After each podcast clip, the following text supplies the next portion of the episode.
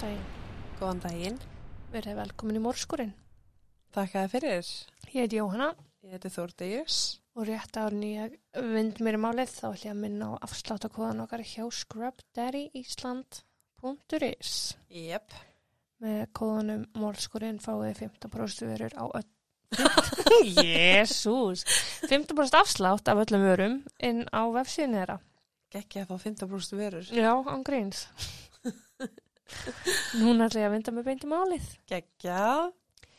Isabella Guzman fættist það 9. júni árið 1995 í Aurora í Colorado í Bandaríkunum.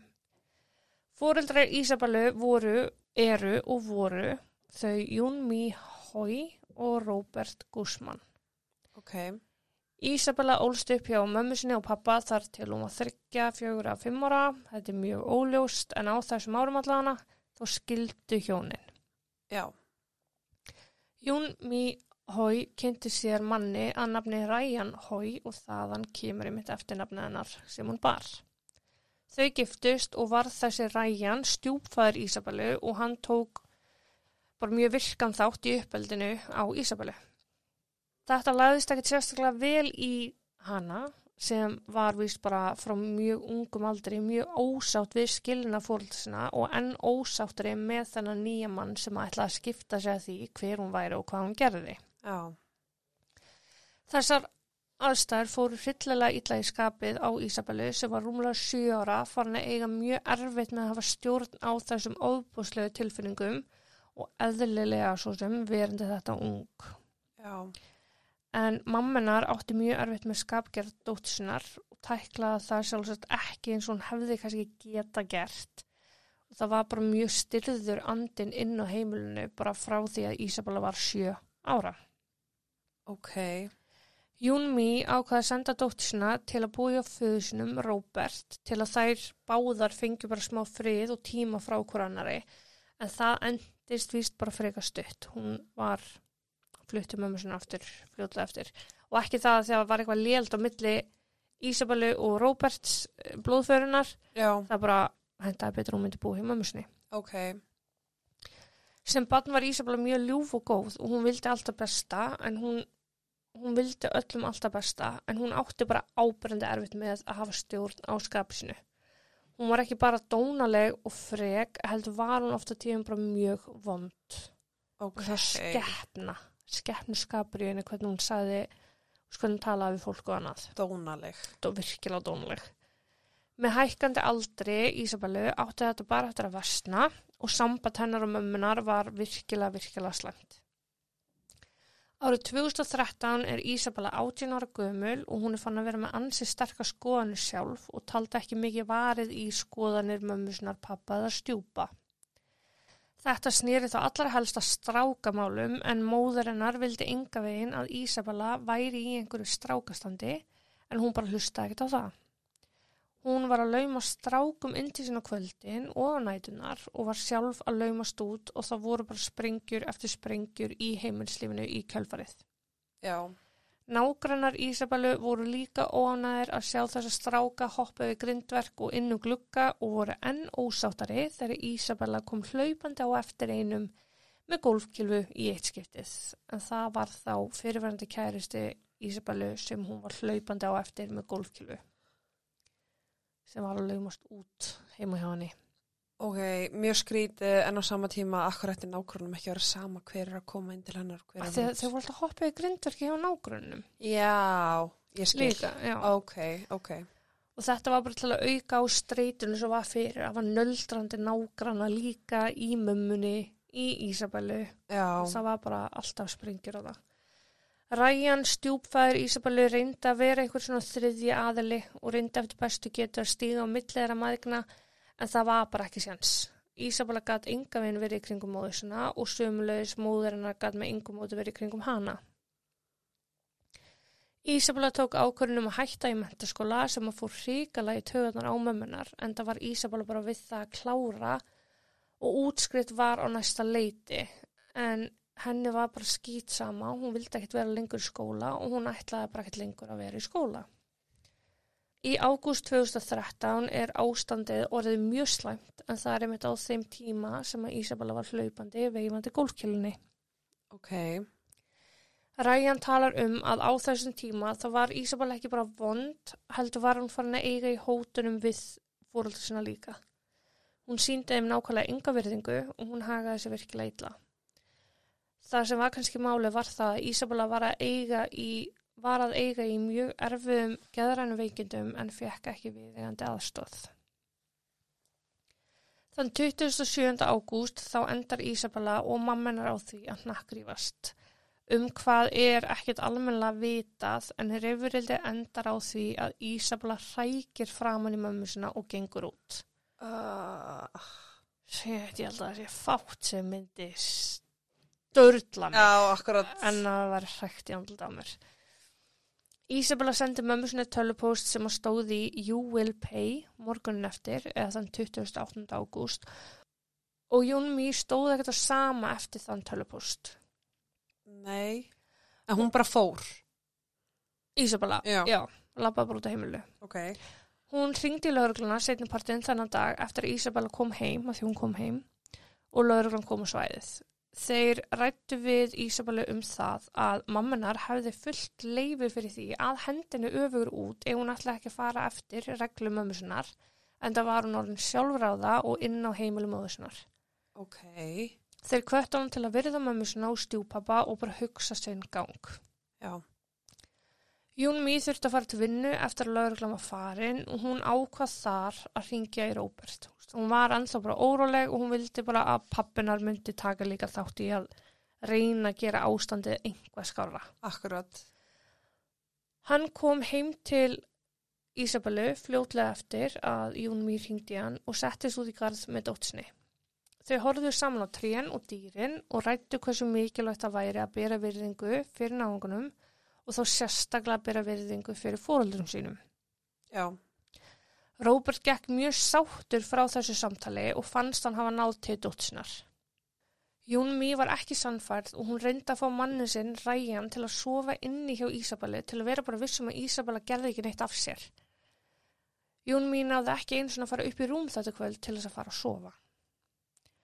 Klukkan hálf tíu um kvöldi þann 28. ágúst þá kom Jún Mí heim úr vinnunni. Hún spurði Ryan hvar Ísabella væri og hann sagðist ekki vera búin að sjá hana síðasta klukkutíman en hún væri trúlegast inn í herbygginu sinu þar sem hún hefði verið þegar hann sá hana. Ok. Hún tilkynntu Ryan þá að hún ætlaði að stökku í styrtu eftir vinnudaginn. Baðherbyggi var á efrahæð húsins og Ryan fylgdist með henni ganga upp á efrahæðina. Það hefði ekki langu tími liðið, bara nokkra mínútur, þegar Ryan heyrði háaran ding og svo öskur. Öskur sem hann hafði aldrei nokkuð tíma heyrt áður. Ryan hljóp upp á efrahæð húsins og sá Ísabellu inn á baðherbyggi en áður en hann náði að náði að hurðinni þá skellti Ísabella baðherbyggshörðinni í lás. Ryan reyndi að brjótast í gegnum hurðina án árangurs á meðan eiginkonan hans öskraði af öllum lífs- og sálakröftum. Hann ákvaði að hlaupa niður og ringi neyðarlínuna þegar hann sá blóð leka undan baðherbyggshörðinni. Ugh. Ryan ringdi óska eftir aðstóð og hljópa aftur upp. Hann heyrði Jún Mí kalla eftir Jóhófa statt og stöðut á milli öskra. Eftir Jehova? Já. Vottum Jehova? Það er þeirra guð. Já, ok, þú erum að tala um fólki. Já, nei, nei. Ok. Allt í einu opnaði Ísabella hurðina og lappaði út með blóðan hníf. Ísabella saði ekki orð, hún lappaði bara út og horfði beint áfram, beindi hnífnum í áttina á honum og að lekandi blóða honum, gekk beint fram í honum og niður á neðri hæð húsins, klætt í einungis bleikan íþróttopp og turkisleitaði stuppbuxur og al blóðug. Ryan sá konunum sinna liggjandi á gólfinu, nakin og með fjölda stungusra á líkamannum. Hann hóf strax endurlífikuna tilrunir en sá fljótt að Jún Mí væri látin. Viðbrast aðlar voru komnir og byrjaðir að veita Jún Mí endurlífikuna tilrunir 11 mínútum eftir að Ryan ringdi í neðalinu. Ok. Þannig að þú veist, hann heyri dingin, leipur upp, sér blóð, ringir í neðalínu, 11 mínútur sér, þá er viðbrast aðlar mættir, komnir inn í húsið, upp að efrihæð og að reyna endurlíkana. ok, Þannig að þetta gerast bara á mjög stuttum tíma. já, En viðbræðs aðilar höfðu séð eins og ræjan að það bæri lítinn tilgang að halda áfram endurlíkunar uh, tilraunum og Júnmi var útskuru látin klukkan 10 eða 22.28 nakin inn á baðherbygskólu heima á sér. Júnmi var fært til krupningar þar sem, átti síð, þar sem átti sér eftir að koma ljós að hún var með 79 stungusár. Shit, í andliti og að hálsi. sælir, þá hafði hún líka verið bókstala skorun og háls og það var sko fyrir utan þessar 79 stungur en hún var með um 150 áverka á sér ok, á þessum tíma. Mm Hafnaboltakilva hefði fundist við hliðina á Jónmi og trúlegast var það höggið og dinginir sem að rægin hefði heyrt. Ísabella hefði trúlegast barið mömmu sína með kilfunni áður en hún stakkan á skar til þess að þú bara gera hann að vanga. ok, faldi Ísabella sig þá í styrtunni að þegar hún gekk hérna á baðarbyggi Eða lappaði inn og eftir mömmu sinni eða eitthvað sko. já, ok, Lauruglan hafi gengið um húsið og bakarinn strax og þeir komu til að tryggja vettvang og Ísabella var hvergi þar að finna. Ryan sagði við lauruglu að hann væri meira en hissa á þessu atviki að Ísabella hafi bókstala myrt móðisina en það hafi hún ekki sínt neina ofbeldisfulla hegðun fram á þessu fyrir utan golfkilfu atviki sem hafi líka komið honum á vart. já, Hún hafði bara verið að standa í hótunum og ekki verið að sína henni virðingu. Hún var bara að lífa kjáftskilju og þú veist, akkurat, laurugla ákveði að byrta myndir af Ísabellu í fjölumölum og óska eftir aðstöð almennings en bað fólk um að fara varlega enda Ísabella talin bæði vopnuð og stór hættuleg. Þannig að lauruglan er að hugsa það bara, ok, það hefur eitthvað komið fyrir úr því að þú veist, núna allt í um síðustu daga er hún farin að sína á sér svakalega ofbelds fulla hegðun. já, Það er eitt að hlaupa eftir fyrirverandi með golfkilfu og annað að stinga móðin á 79 sunum, í hálsin já, og andliti skilju. Leita var að Ísabellu alla nóttina og alla morgunin eða morgunin eftir þann 29. ágúst og ekki fannst hún neinstaðar. Ísabella hafi bæði slögt á símanu sínum og losað sig við hann svo það var ekki að reykja hann. En það var svo setna þann sama dag eða klukkan tvö eftir hádegi að neyðalínu barst símtal frá almennum borgara sem sagðist vera, sem sagðist vera stattur á bílastæði. Hann sagðist vera viss um það að hann væri að horfa á lík inn í bíl sem var lagður á bílastæðinu. En hann sagði að ung kona lagi í bílnum út ötuð í blóði. Lögreglan var komið fljótt að staðinn og almenni borgarinn hafði greinilega ekki eh, haft augu á bílnum allan tíman á meðan hann beigð eftir lögreglu að því að, að því að þegar þeim bara að þá var líkið horfið úr bílnum. Oh, Lögreglan var ekkert sérstaklega lengi að gruna að umvararæði Ísabellu og hófust strax handa við að leita inn í bílnum. Munir í eigu Ísabellu fundust bara strax og því bara ráðgátan list. Ísabella hafi verið liggjandi í bílnum, sofandi, en þá útötuð í blóðu móðusinnar.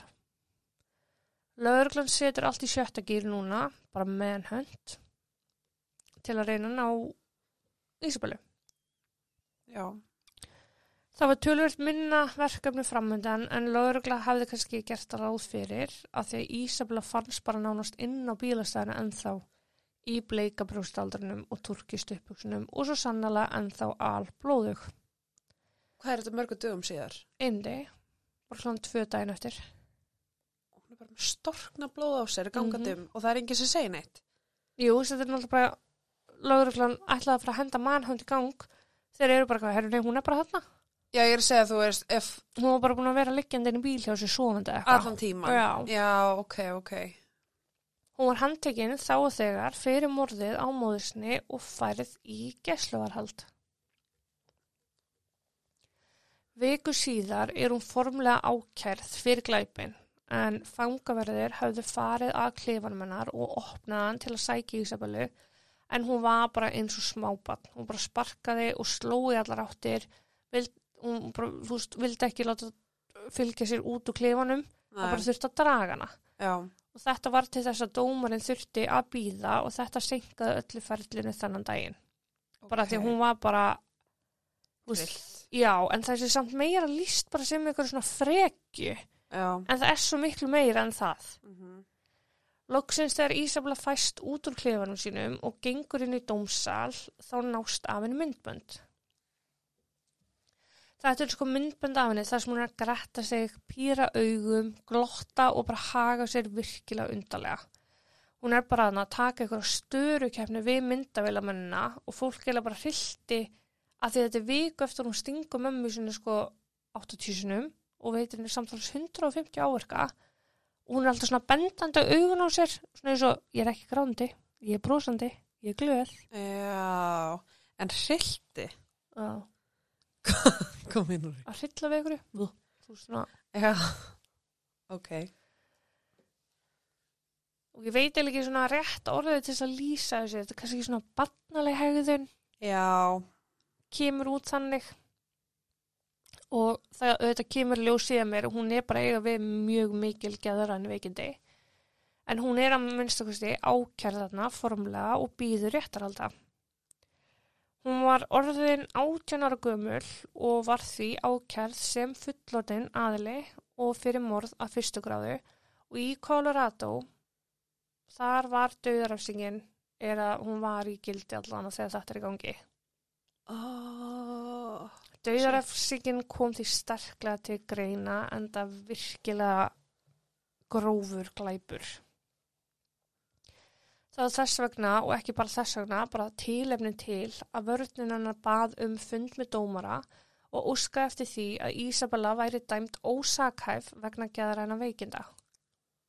Ísabella hafði nefnilega rétt áður lokið greiningu hjá geðlækni þar sem komi ljós og hún var mikið að klofa og hegðun hennar hafi verið afleðing ómeðhandlaðs ástands og sjúkdóms í allan þennan tíma.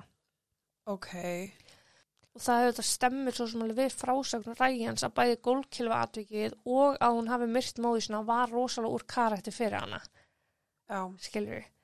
Við matgæðlegnis kom í ljós að Ísabella hafði heyrta rattir og verið með mikla ránghugmyndir í einhverja vikur fyrir bæði atvikin. ok Þessar rattir hefur Ísabella trúlegast kallað Sam en hún hafði rætt við fyrirvændi kjærsin um einhvern Sam sem var að reyna að sannfara, um, sannfara hana um alls konar vittlisu vikurnar áður en að þau hætt saman og áður en að hún reyndi að ráðast á hann með golfkilfu. Ok, Já, þessi, Sam átti að vera að segja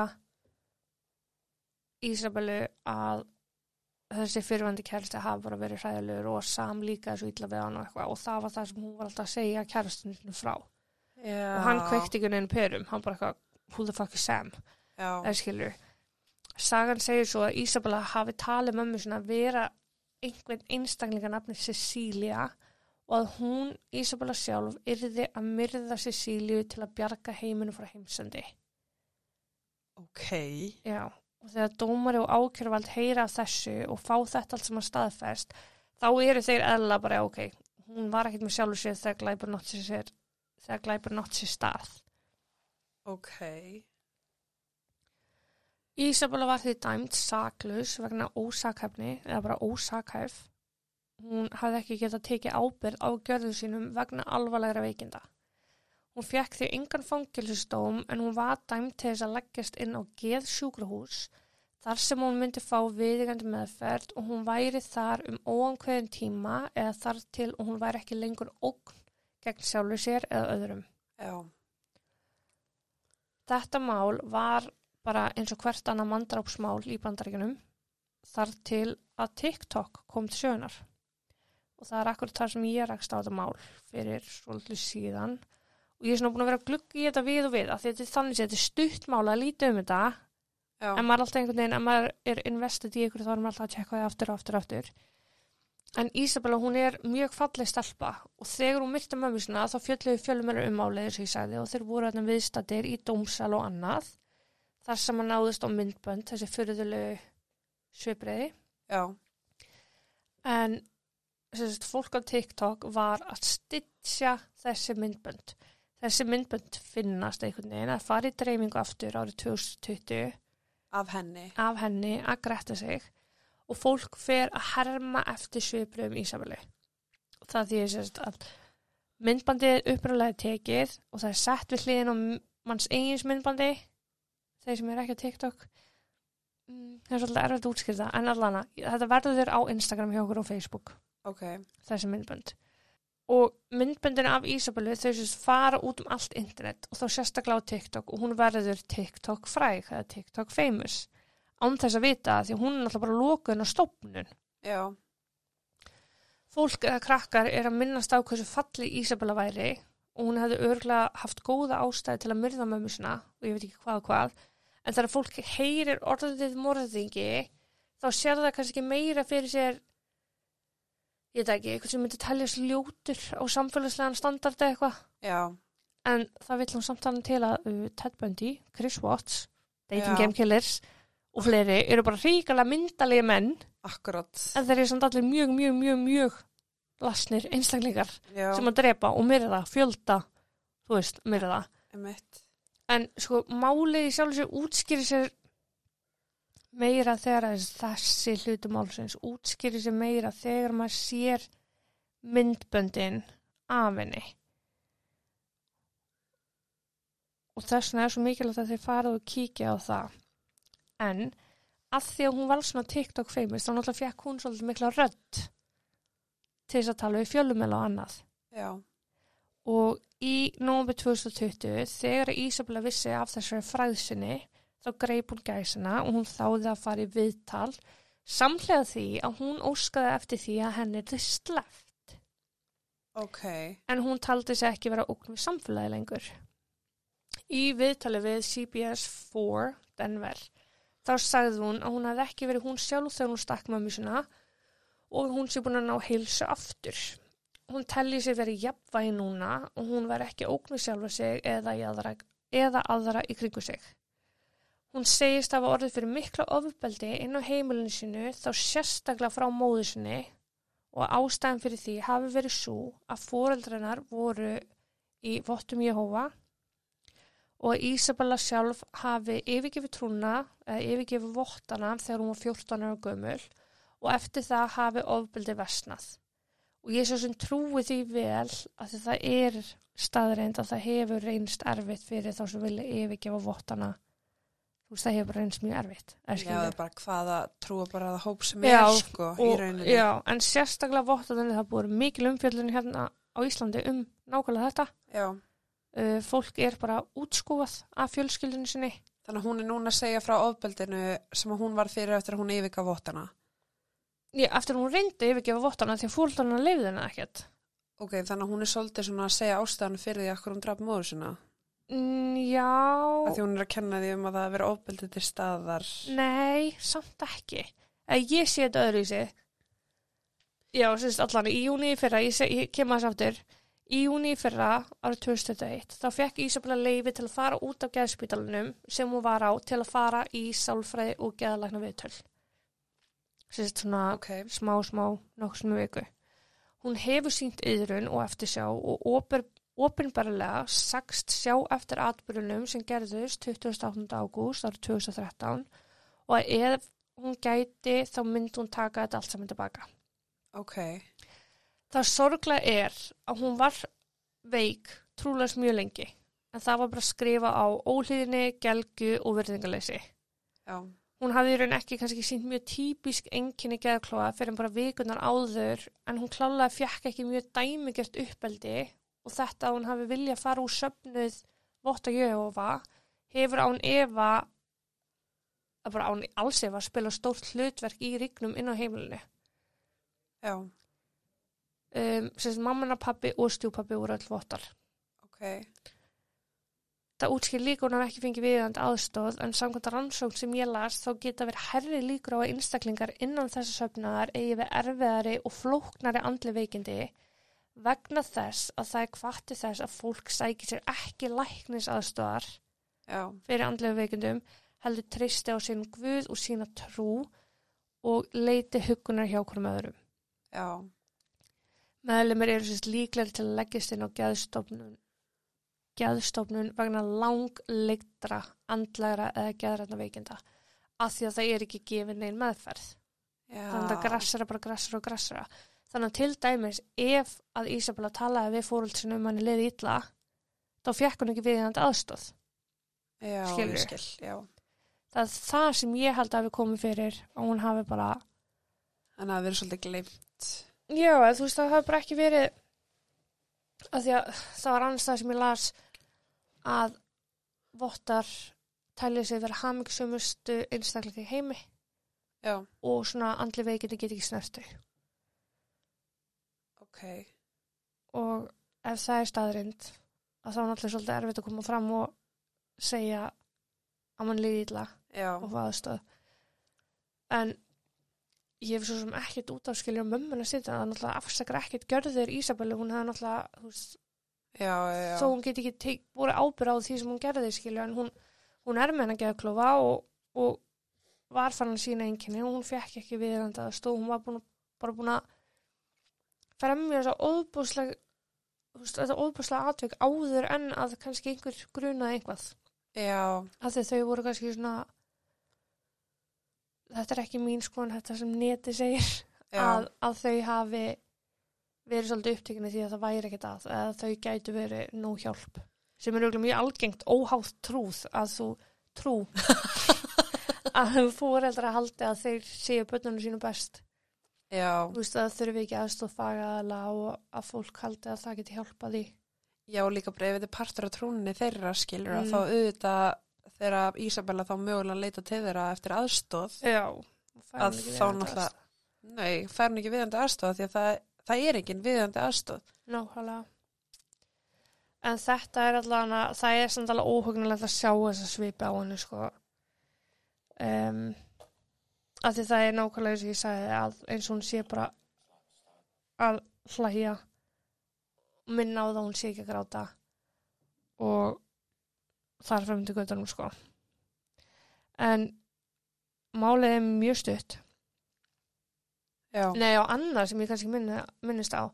Fólk var svo reykt út í ræjan að hann hafi ekki getað stoppað hana. Að hann hafi bara ekki brotist inn um hurðina. Það, ég held að þetta sé svona að því vorum að nefna annars í málunni þínu svona að taka að fólk finnur einhvern veginn alltaf einhvað til að tuða undan, eða þú veist, já, kenna einhverjum um Já, enn staðarendu málsins, eða skilju, nákvæmlega veist. En já, ég hérna ætla að setja þetta allt saman á Instagram og sína Þórtis hérna myndband. Æðisleg Ég þakka fyrir okkur í dag, minn á Instagram, minn á Yes. Facebook, umræðhópur og áskrift eða vilja koma All right, you Þá segi ég bara takk fyrir mig í dag og takk og bless. takk og bless